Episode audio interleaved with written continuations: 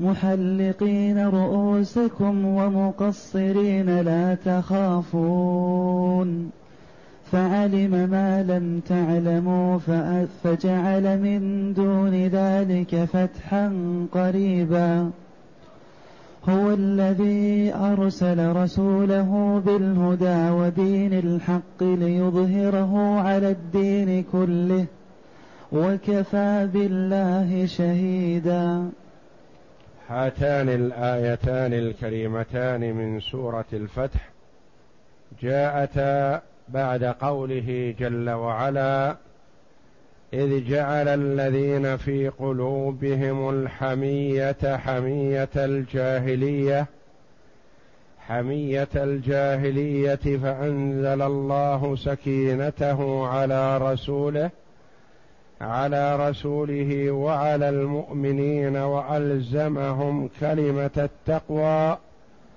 وألزمهم كلمة التقوى وكانوا أحق بها وأهلها وكان الله بكل شيء عليما.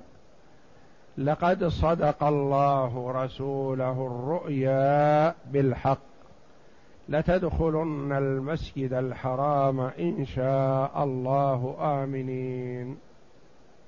الآية.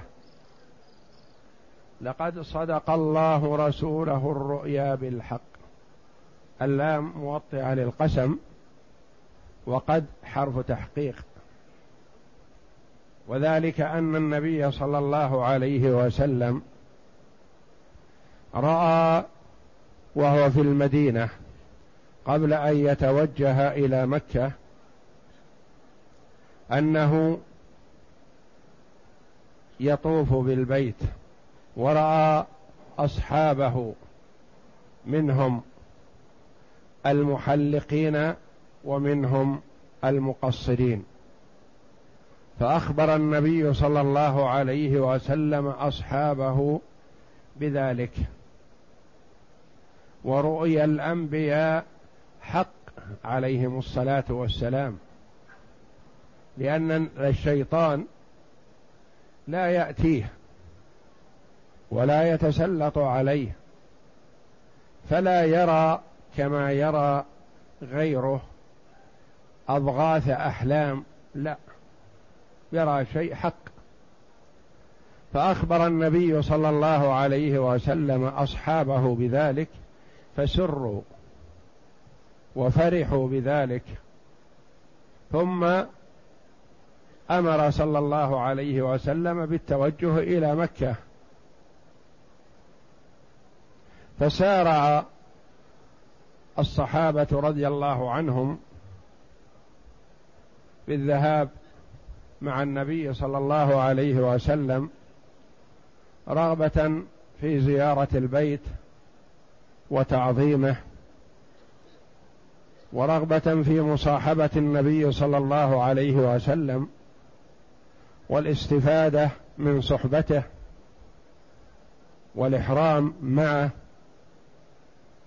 والتفقه منه صلى الله عليه وسلم وحماية وشفقة على النبي صلى الله عليه وسلم خوفا من أن يتسلط عليه الكفار فلا يكون معه من الصحابة من يدافع عنه.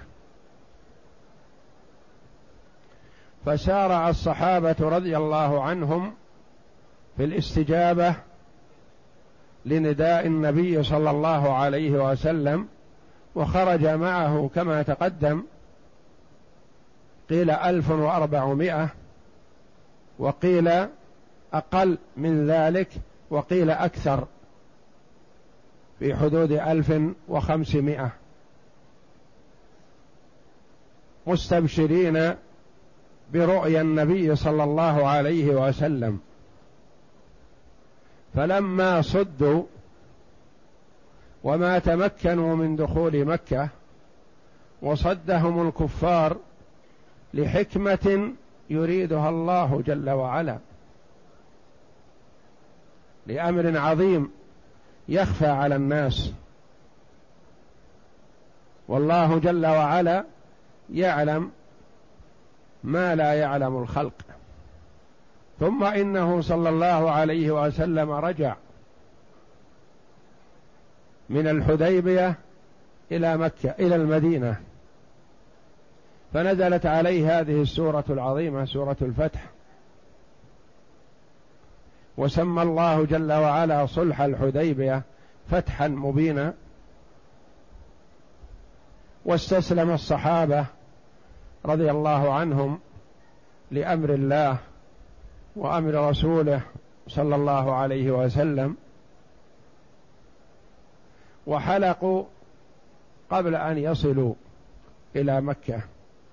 وذلك أن النبي صلى الله عليه وسلم لما أبرم الصلح مع سهيل بن عمرو نيابة عن أهل مكة أمر الصحابة أن ينحروا ما معهم من الهدي ويحلقوا رؤوسهم. فانتظروا وما سارعوا رضي الله عنهم يتوقعون أن ينزل من الله جل وعلا شيء في دخولهم مكة. وقد تقدم أن عرفنا أنهم بايعوا رسول الله صلى الله عليه وسلم على الموت. وأنهم بايعوا الا يفروا من أهل مكة مهما تكون الحال. فهم مستعدون ومستبشرون إما النصر وإما الشهادة. فهم على خير في كلا الحالين. ثم إن النبي صلى الله عليه وسلم أمرهم ثانية. أن ينحروا هديهم ويحلقوا رؤوسهم. فتوقفوا. ما قام منهم أحد لهذا الفعل. ثم أمرهم الثالثة. عليه الصلاة والسلام. يريد منهم أن يقوموا. فما قام أحد. فتأثر صلى الله عليه وسلم من ذلك ودخل على أم سلمة رضي الله عنها وأرضاها فقالت له ما لك يا رسول الله؟ رأت أثر التأثر على النبي صلى الله عليه وسلم.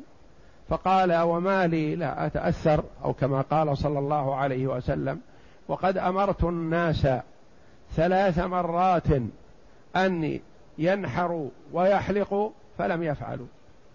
فقالت رضي الله عنها يا رسول الله اخرج ولا تكلم الناس وانحر هديك واطلب الحالق أن يحلق رأسك ولا تقل شيئا وسيسارع الصحابة إلى ذلك. رضي الله عنها وأرضاها. أشارت بهذا الرأي السديد الذي أراح خاطر النبي صلى الله عليه وسلم. فخرج صلى الله عليه وسلم ونحر هديه وأمر الرجل أن يحلق رأسه. فتسارع الصحابة رضي الله عنهم في النحر والحلق حتى قال الراوي كاد بعضهم يقتل بعضا من المسارعة لما رأوا فعل النبي صلى الله عليه وسلم. فهم رضي الله عنهم لا مخالفة لأمر النبي صلى الله عليه وسلم في أمر في أمره حينما أمرهم بالنحر والحلق. لا مخالفة وإنما رجاء أن ينزل شيء. ينتظرون. ما توقعوا أن يرجعوا من الحديبية بدون عمرة. وبدون أن يطوفوا بالبيت ويسعوا بين الصفا والمروة ويتموا عمرتهم. ما توقعوا هذا. فهم تباطؤوا لهذا. فلما رأوا فعل النبي صلى الله عليه وسلم ما بقي مجال للانتظار. سارعوا رضي الله عنهم وأرضاهم. ثم عاد النبي صلى الله عليه وسلم إلى المدينة. وفي أثناء الطريق نزلت عليه هذه السورة العظيمة سورة الفتح. فدعا عمر رضي الله عنه فقرأها عليه لأن عمر رضي الله عنه كان ممن تأثر بهذا الصلح. كيف يرجع المسلمون بدون عمرة يصدون عن بيت الله وهو يود أن يناجز كفار قريش. والصحابة على خير.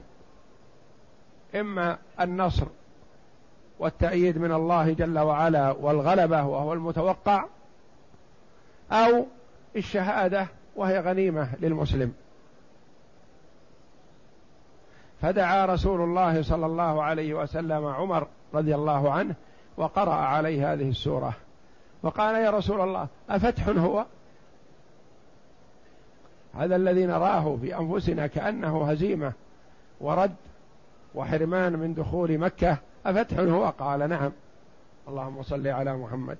نعم هذا الفتح. وفعلا هو فتح عظيم. وغنائم عظيمة حصلت للمسلمين. وتكثير عدد للمسلمين. في الحديبية كان جل المسلمين مع النبي صلى الله عليه وسلم وكان العدد كما عرفنا. ما بين ألف وثلاثمائة إلى ألف وخمسمائة. وهذا جل الصحابة رضي الله عنهم. وهذا حصيلة الدعوة من بدء الرسالة ثلاث عشرة سنة في مكة وست سنوات في المدينة. ثم جاء النبي صلى الله عليه وسلم في السنة الثامنة لفتح مكة ومعه كم؟ عشرة آلاف. قال المفسرون المسلمون خلال هاتين السنتين أضعاف من أسلم خلال تسع عشرة سنة. ثلاثة عشرة في المدينة وست ثلاثة عشرة في مكة وست في المدينة. خلال سنتين من ست إلى ثمان جاء مع النبي صلى الله عليه وسلم في شهر رمضان من السنة الثامنة من الهجرة لفتح مكة عشرة آلاف مقاتل. كلهم جاءوا مجاهدون مقاتلون غير محرمين. فانتشر الإسلام خلال هاتين السنتين وصار من أراد من قبائل العرب أن يأتي ليسمع من النبي صلى الله عليه وسلم جاء واستفاد وأسلم الكثير خلال السنتين حتى من أهل مكة. جاء كثير أسلموا. قبل أن يتوجه النبي صلى الله عليه وسلم إلى مكة فاتحا. المنافقون في كل زمان ومكان يفرحون بما يرون كأنه ضرر أو هزيمة أو نقص على المسلمين. وهم مع مع هذا يصلون مع النبي عليه الصلاة والسلام ويخرجون معه للجهاد ويدفعون زكاة أموالهم لكنهم في الظاهر فقط. ففرحوا بهذا. قالوا محمد قد قال تدخلون المسجد الحرام. ورأى أين دخول المسجد الحرام؟ رجعنا من الطريق.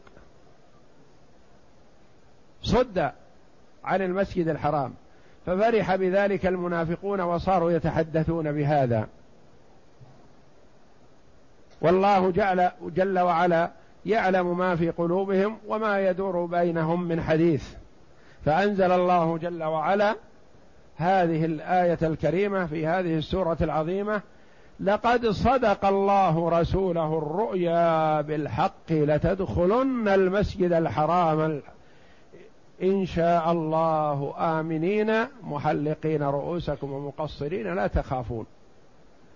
فعلم ما لم تعلموا فجعل من دون ذلك فتحا قريبا. لقد صدق الله رسوله الرؤيا. الرؤيا صدق لا شك ولا مرية فيها. وكما قال النبي صلى الله عليه وسلم لعمر أقلت هذه السنة؟ قال لا. قال لتدخل ستدخل لكن الله أعلم متى. وكذلك أبو بكر رضي الله عنه لما أجاب عمر قال هل قال هذه السنة؟ قال لا. قال ستدخل. ما دام أنه قال ستدخل لكن متى؟ الله أعلم. فجاء الله جل وعلا بمصداق قول رسوله صلى الله عليه وسلم وتصديقا لأبي بكر. ولذا سمي الصديق رضي الله عنه. ما قال النبي صلى الله عليه وسلم شيئا إلا وصدقه فيه وبادر. قال لقد صدق الله رسوله الرؤيا بالحق فرؤيا بالحق لأن الشيطان لا يأتي إلى النبي صلى الله عليه وسلم ما يستطيع أن يقرب منه. لقد صدق الله رسوله الرؤيا بالحق يعني الرؤيا التي رأيتها في المدينة فهي صدق. وحق. لا شك فيها. وهذه الآية نزلت قبل أن يحصل تأويل الرؤيا. قبل أن يطوفوا بالبيت وقبل أن يدخلوا المسجد. لأن هذه الآية نزلت في السنة السادسة. والرسول عليه الصلاة والسلام دخل مكة في عمرة القضية في سنة السابعة. قال لقد صدق الله رسوله الرؤيا بالحق لتدخلن. إلى الآن ما دخلوا. سيحصل الدخول. وأكده جل وعلا باللام لا لتدخلن. وأكده بنون التوكيد لتدخلن. المسجد الحرام إن شاء الله. إن شاء الله. قد يقول قائل أنا وأنت نقول إن شاء الله لأننا لا نعلم. ماذا سيكون؟ أقول مثلا سأعتمر إن شاء الله مثلا أو سأحج هذه السنة إن شاء الله لأني ما أدري هل أحج أو لا أحج هل أعتمر أو لا أعتمر. أعلق مشيئة الله لكن الله جل وعلا يعلم ما كان وما سيكون. ما تخفى عليه خافية. فلما قال إن شاء الله قال العلماء قالها ليعلم العباد ليعلم العباد.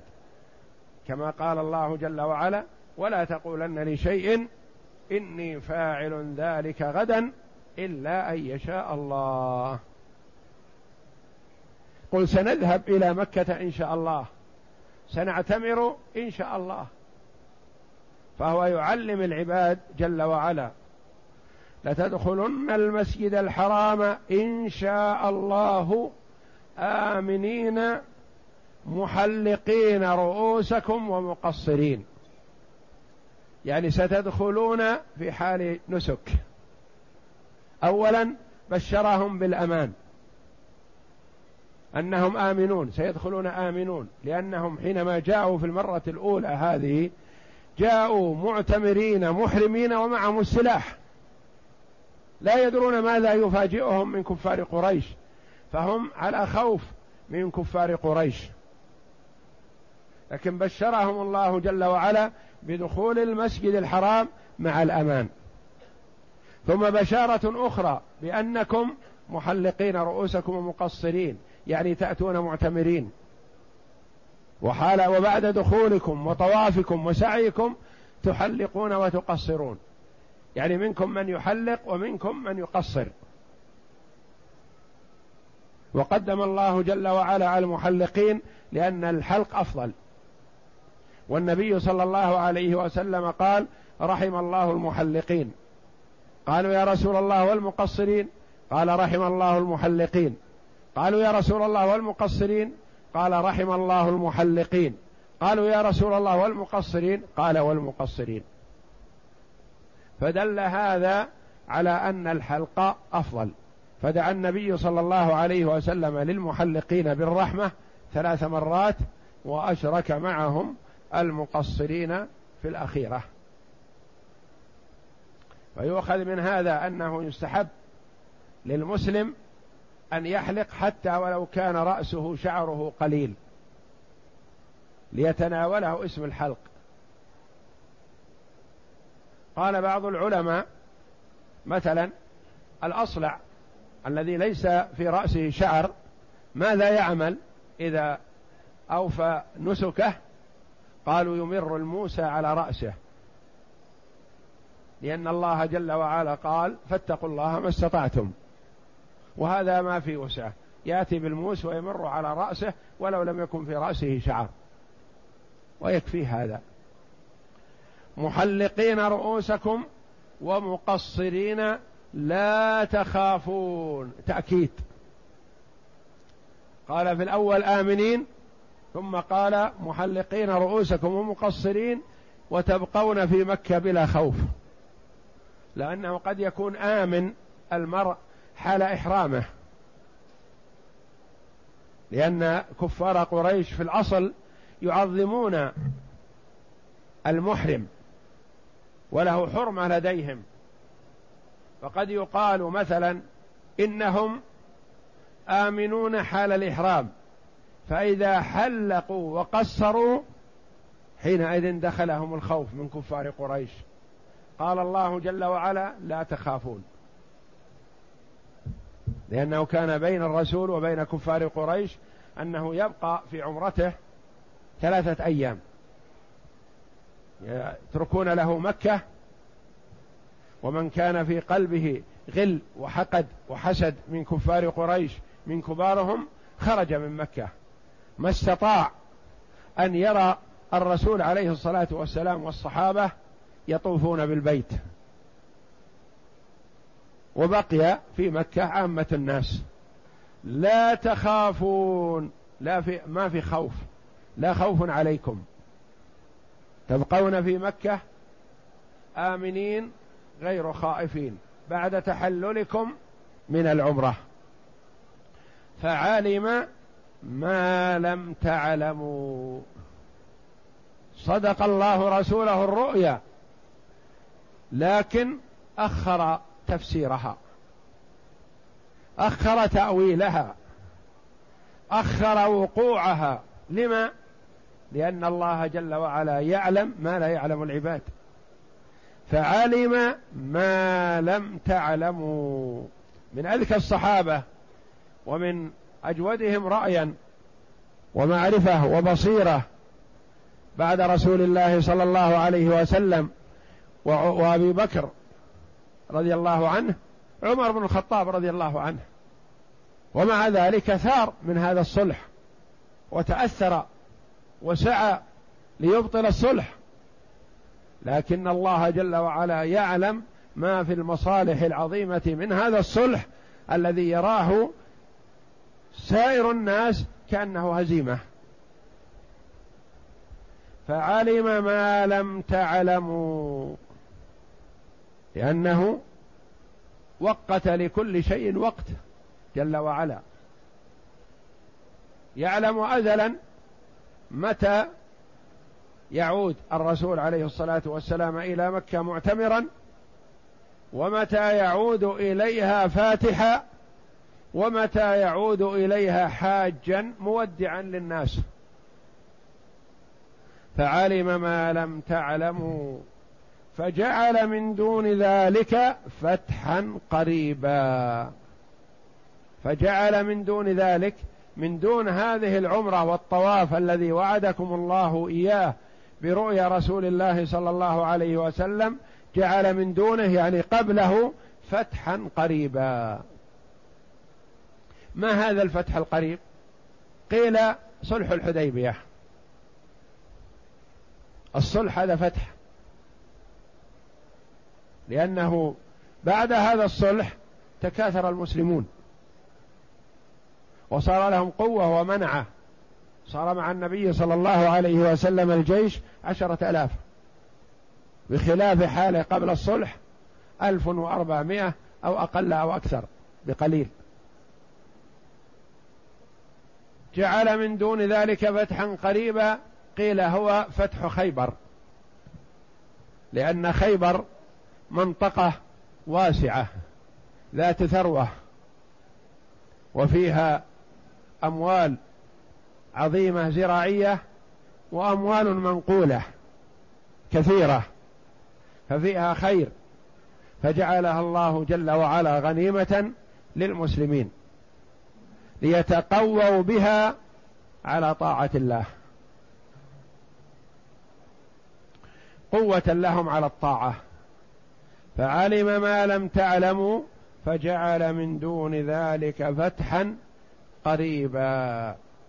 ولا منافة أن يكون كل ما حصل بين صلح الحديبية وبين العمرة في السنة السابعة كله من الفتح الذي فتح الله جل وعلا على المسلمين. صار الناس يذهبون ويعودون إلى المدينة بكثرة ويختلطون بالمسلمين. وكان المسلمون مع رسول الله صلى الله عليه وسلم كذلك يخرجون في الأقطار ويتصلون بمن حولهم بسبب هذا الصلح. وتفهم الناس الدين الإسلامي الحق. فسارعوا إلى الإسلام. وكان من قبل قريش متسلطة على الناس. وتؤذي من ذهب إلى المدينة أو أراد أن يذهب ليلتقي بالنبي صلى الله عليه وسلم. فبهذا الصلح صار الناس ينطلقون بحرية وانطلاق ويتفهمون ويسمعون ويقرؤون ويطلعون على أحوال المسلمين فسارع الناس في دين الله إلى دين الله ودخلوا في دين الله أفواجا. بدل ما كانوا يدخلون بالأفراد دخلوا في جماعات. وكل هذا الانتشار وال وظهور الإسلام كل هذا كان بعد صلح الحديبية. فعلم ما لم تعلموا فجعل من دون ذلك فتحا قريبا ليتقوى به المسلمون على فتح مكة وعلى ما يصادفهم من الأمور. بعد فتح خيبر حصل غنائم عظيمة للمسلمين تقووا بها على طاعة الله وعلى الجهاد في سبيل الله. ففي هذه الآية حال نزولها كان قبل أن يعتمر النبي صلى الله عليه وسلم ولكنها تصديق للرؤيا التي رأى صلى الله عليه وسلم وردا على المنافقين وتبشيرا للمؤمنين بأن ما وعدهم به رسول الله صلى الله عليه وسلم حق وصدق وأنه واقع لا محالة. ثم قال جل وعلا هو الذي أرسل رسوله بالهدى ودين الحق ليظهره على الدين كله وكفى بالله شهيدا. يؤكد جل وعلا للأمة بأنه هو الذي أرسل محمد صلى الله عليه وسلم. فمحمد صلى الله عليه وسلم يسير بأمر الله. ما يتصرف من تلقاء نفسه لأنه عليه الصلاة والسلام لا يعلم الغيب إلا ما أطلعه الله جل وعلا عليه. يعلم من الغيب ما أطلعه الله جل وعلا عليه. أما أشياء لا يطلع عليها لا يدري عنها عليه الصلاة والسلام. فقال جل وعلا تاكيدا بأن عمل محمد صلى الله عليه وسلم ودعوته وقيامه وخروجه ورجوعه وتحلله في الحديبية ونحره هديه كله بأمر الله جل وعلا. هو الذي أرسل رسوله بالهدى ودين الحق. الهدى ودين الحق الإيمان والعمل الصالح. بالهدى ودين الحق بما فيه سعادة الدنيا والآخرة ليظهره على الدين كله. يدخل مكة فمنع. الكافر وغيره يدخلون مكة ورسول الله صلى الله عليه وسلم يحبس. دون مكة. يمنع. لحكمة يريدها الله. وليعلم العباد أن محمدا صلى الله عليه وسلم عبد لا يعبد. فهو عبد من عباد الله ورسول لا يكذب صلوات الله وسلامه عليه. ليظهره على الدين كله. لا يكن في نفوسكم شك أو ريب حينما رد أنه ليس على الحق. كما قال بعض المنافقين كيف يمنع عن دخول مكة وهو رسول لو كان رسول الله ما منع؟ الله يدخله لو كان رسوله. يعني المنافقون فرحوا بهذه بالصد عن مكة. والله جل وعلا رتبها ليميز الخبيث من الطيب. هو الذي أرسل رسوله بالهدى ودين الحق ليظهره على الدين كله. لا تفرحوا أيها المنافقون. فالله جل وعلا وعد رسوله بأن يظهر دينه على الدين كله جميع الأديان. وجميع الأديان الآن أكثر ما تخاف وتتأثر من الإسلام. اليهودي بديانته ما يخاف من النصراني بديانته لكن اليهودي يخاف من المسلم الحق. وما استهان اليهود والنصارى بالمسلمين إلا لأنهم ما تمسكوا بإسلامهم حقا. وإلا لو تمسكوا بإسلامهم حقا ما استهان بهم أحد. النصراني ما يخاف من اليهودي لكن النصراني يخاف من الدين الإسلامي. يخاف من الدين الإسلامي إذا تمسك به أهله حقا وطبقوه في جميع شؤون الحياة. لكن ما داموا بهذا الشكل يتلاعب كثير من المسلمين بتعاليم الإسلام فلا يخاف منهم يهودي ولا نصراني. لأنهم ضيعوا إسلامهم فضاعوا. ولو تمسك به المسلمون حقا ما وقف في وجههم أحد. يقول عليه الصلاة والسلام نصرت بالرعب مسيرة شهر. من كان بينه وبين المسلمين شهر مسافة شهر يخاف منهم يخاف من المسلمين. لكن يخاف من المسلمين حقا من المطبقين لتعاليم الإسلام سواء كانوا في القديم أو في الحديث. المهم التمسك ليظهره على الدين كله. جميع الأديان وجميع الملل يظهر عليها الإسلام. وفعلا ظهر الإسلام في وقت عزته وانتصاراته كما روي عن هارون الرشيد أنه يرى السحابة في السماء فيقول أمطري حيث شئت فسيأتيني خراجك يعني إلى بيت مال المسلمين. أين شئت؟ لأن كل الأقطار منهم المسلم ومنهم الكافر الذمي الداخل في حكم الإسلام. يدفع الخراج والجزية للمسلمين ليظهره على الدين كله وكفى بالله شهيدا. الله جل وعلا يشهد على ذلك وكفى به شهيدا. مطلعا على ذلك. كفى بقول الله جل وعلا شهادة وحقا وصدقا. ما يحتاج إلى أن يقال من يشهد مع الله تعالى الله وإنما إذا شهد الله جل وعلا بشيء فهو واقع لا محالة. كان رسول الله صلى الله عليه وسلم قد اري في المنام أنه دخل مكة وطاف بالبيت فأخبره اصحابه بذلك وهو بالمدينة. فلما هذه الرؤيا رآها النبي صلى الله عليه وسلم في السنة السادسة من الهجرة. نعم. فلما سار عام الحديبية لم يشك جماعة منهم أن هذه الرؤيا تتفسر هذا العام.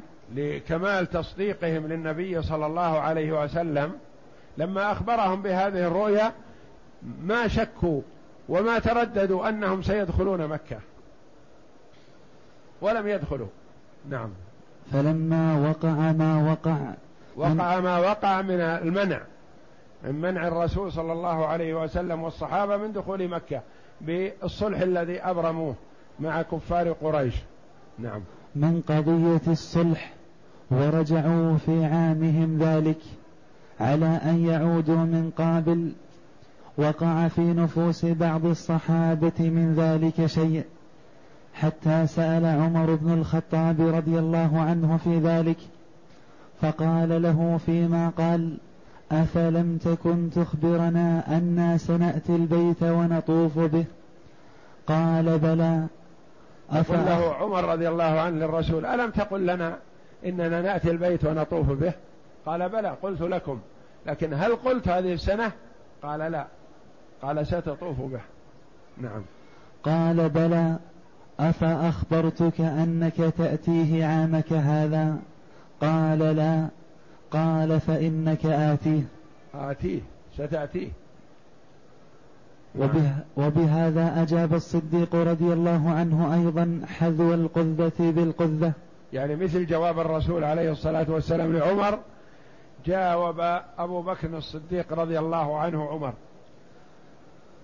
ولهذا قال تعالى لقد صدق الله رسوله الرؤيا بالحق لتدخلن المسجد الحرام إن شاء الله.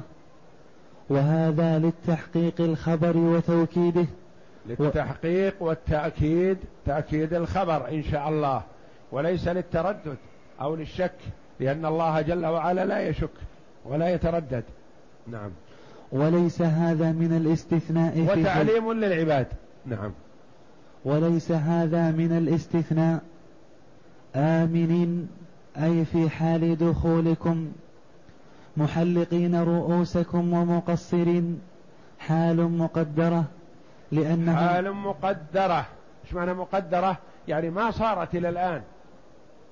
لأنهم حال دخولهم محرمين.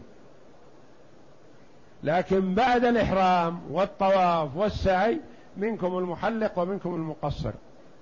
نعم. حال مقدرة.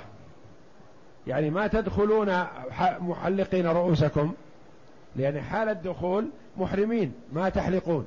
لكن سيكون الحلق والتقصير دلالة على إتمام النسك أنكم ستتمون نسككم. نعم. لأنهم في حال إحرامهم لم يكونوا محلقين ومقصرين وإنما كان هذا في ثاني الحال. كان منهم من حلق رأسه ومنهم من قصره.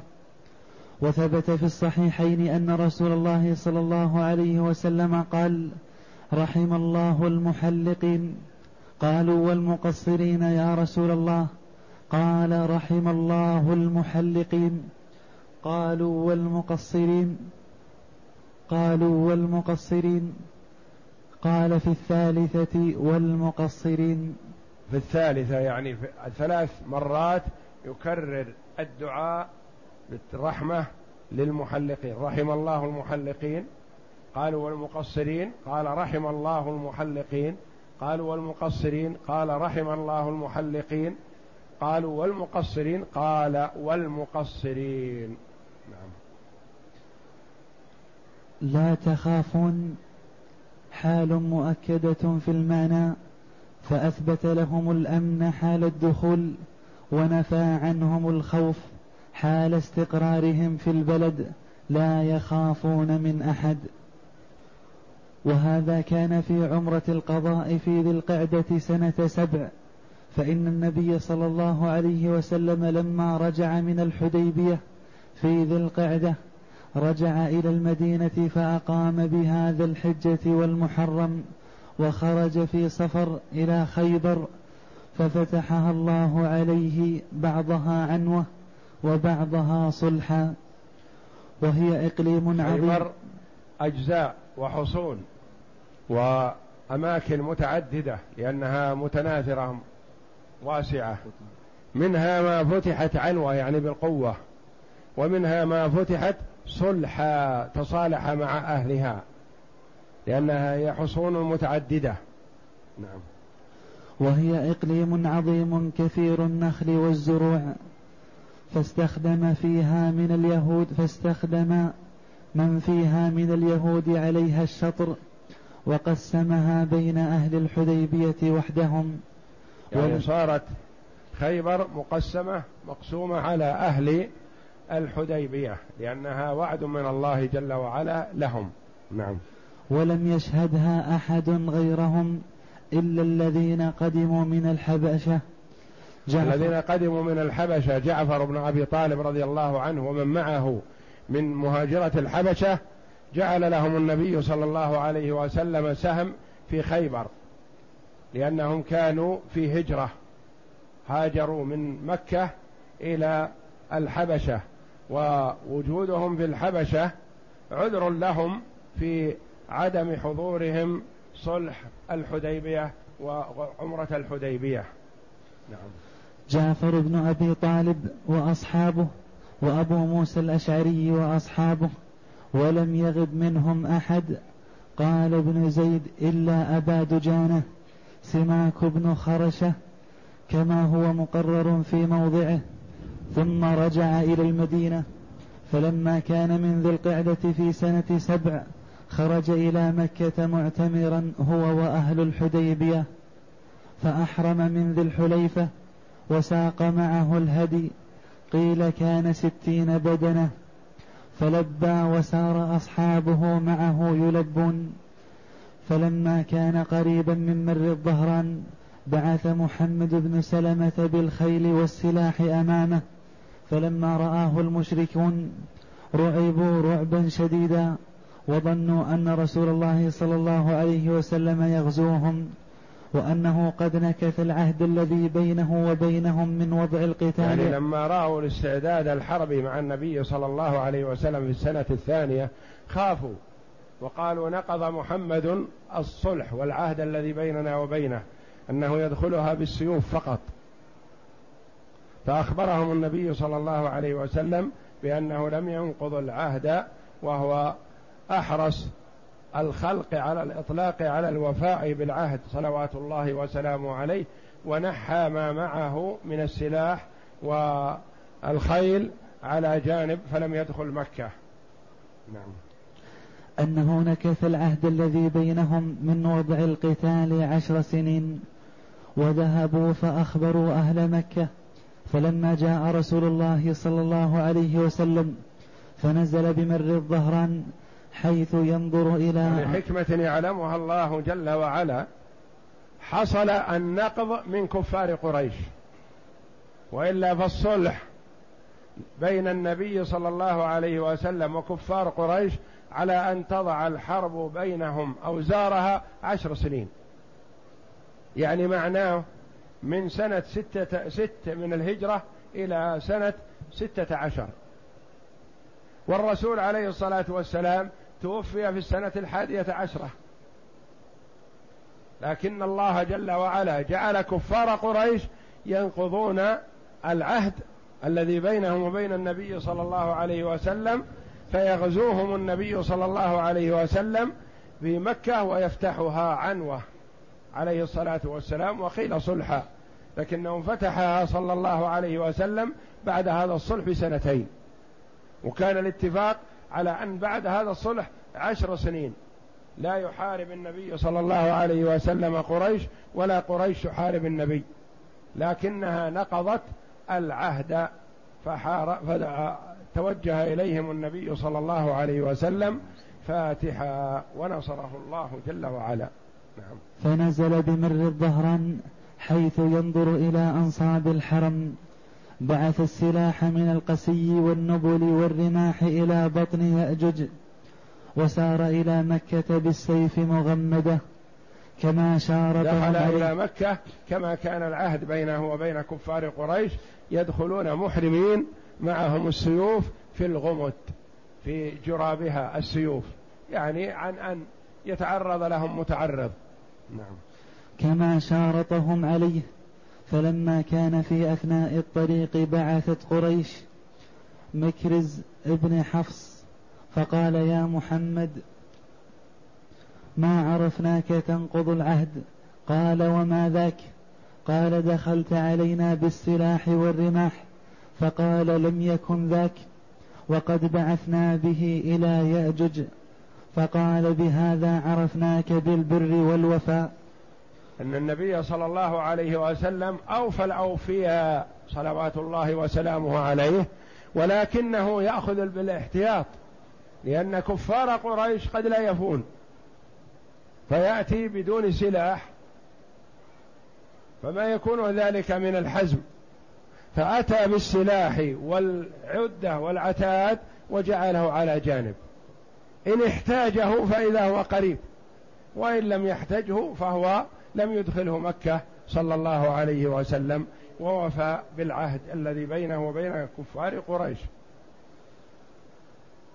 وخرجت رؤوس الكفار من مكة لئلا ينظروا إلى رسول الله صلى الله عليه وسلم ولا إلى أصحابه غيظا منهم بما في نفوسهم من الغيظ ما تحملوا أن يروا النبي صلى الله عليه وسلم والصحابة رضي الله عنهم يطوفون بالبيت خرجوا تركوا مكة وجلس فيها عامة الناس. وقال بعض الناس لبعض من أهل مكة قالوا سيقدم عليكم أناس هزال وهنتهم حمى يثرب. ناس ضعاف. هزالا. وكان جل كفار قريش جالسون جهة الحجر في جهة الشمال. فأمر النبي صلى الله عليه وسلم بعدما أطلع الله جل وعلا نبيه على ما قال كفار قريش بعضهم لبعض أمرهم بأن يطبعوا بالأردية ويرملوا. فحينما وحينما يحاذون الركن اليماني إلى الحجر الأسود يمشون. رفقا بهم وأمرهم أن يرملوا ثلاثة أشواط ويمشوا البقية وما جعلهم لا يرملون في البقية إلا رفقا بحالهم صلى الله عليه وسلم. وجعلهم يمشون ما بين الركن اليماني إلى الحجر الأسود لأن كفار قريش في ناحية الشمال فهم لا يرونهم. فيستريحوا في هذا الممشى ثم يرملوا في الجهة التي يطلع عليها كفار قريش. فقال بعضهم لبعض ألم تقولوا أنه سيأتي ناس هزال؟ هؤلاء كالغزلان ليسوا هزال. يرملون رضي الله عنهم وأرضاهم. وبقيت هذه سنة دائما وأبدا والحمد لله. نعم. وأما بقية أهل مكة من الرجال والنساء والولدان فجلسوا في الطرق وعلى البيوت ينظرون إلى رسول الله صلى الله عليه وسلم وأصحابه فدخلها عليه الصلاة والسلام وبين يديه أصحابه يلبون والهدي قد بعثه إلى ذي طوى وهو راكب ناقته القصوى التي كان راكبها يوم الحديبية. ناقته القصوى كان راكبها يوم الحديبية فبركت. بأمر الله جل وعلا لأنه لم يأذن الله لها في دخول مكة. فقالوا خلعت يعني آه، نكلت أو آه، ترددت أو أحجمت القصوى ناقة الرسول. قال الرسول عليه الصلاة والسلام ما خلعت وما هذا لها بخلق لكن حبسها حابس الفيل. لحكمة يريدها الله جل وعلا. نعم. ودخلها في السنة السابعة على هذه القسوة ودخلت. بأمر الله جل وعلا. نعم. وقوله فعلم ما لم تعلموا فجعل من دون ذلك فتحا قريبا. أي فعلم الله تعالى من, الخي من الخيرة والمصلحة في صرفكم عن مكة ودخولكم إياها عامكم ذاك. ما لم تعلموا أنتم فجعل من دون ذلك. لأن الله جل وعلا أحاط بكل شيء علما. يعلم ما كان وما سيكون وما لم يكن لو كان كيف يكون. نعم. أي قبل دخولكم الذي وعدتم به في رؤيا النبي صلى الله عليه وسلم فتحا قريبا وهو الصلح الذي كان بينكم وبين أعدائكم من المشركين. ثم قال تعالى مبشرا للمؤمنين بنصرة الرسول صلى الله عليه وسلم عليه على عدوه على وعلى سائر أهل الأرض هو الذي أرسل رسوله بالهدى ودين الحق أي بالعلم النافع والعمل الصالح.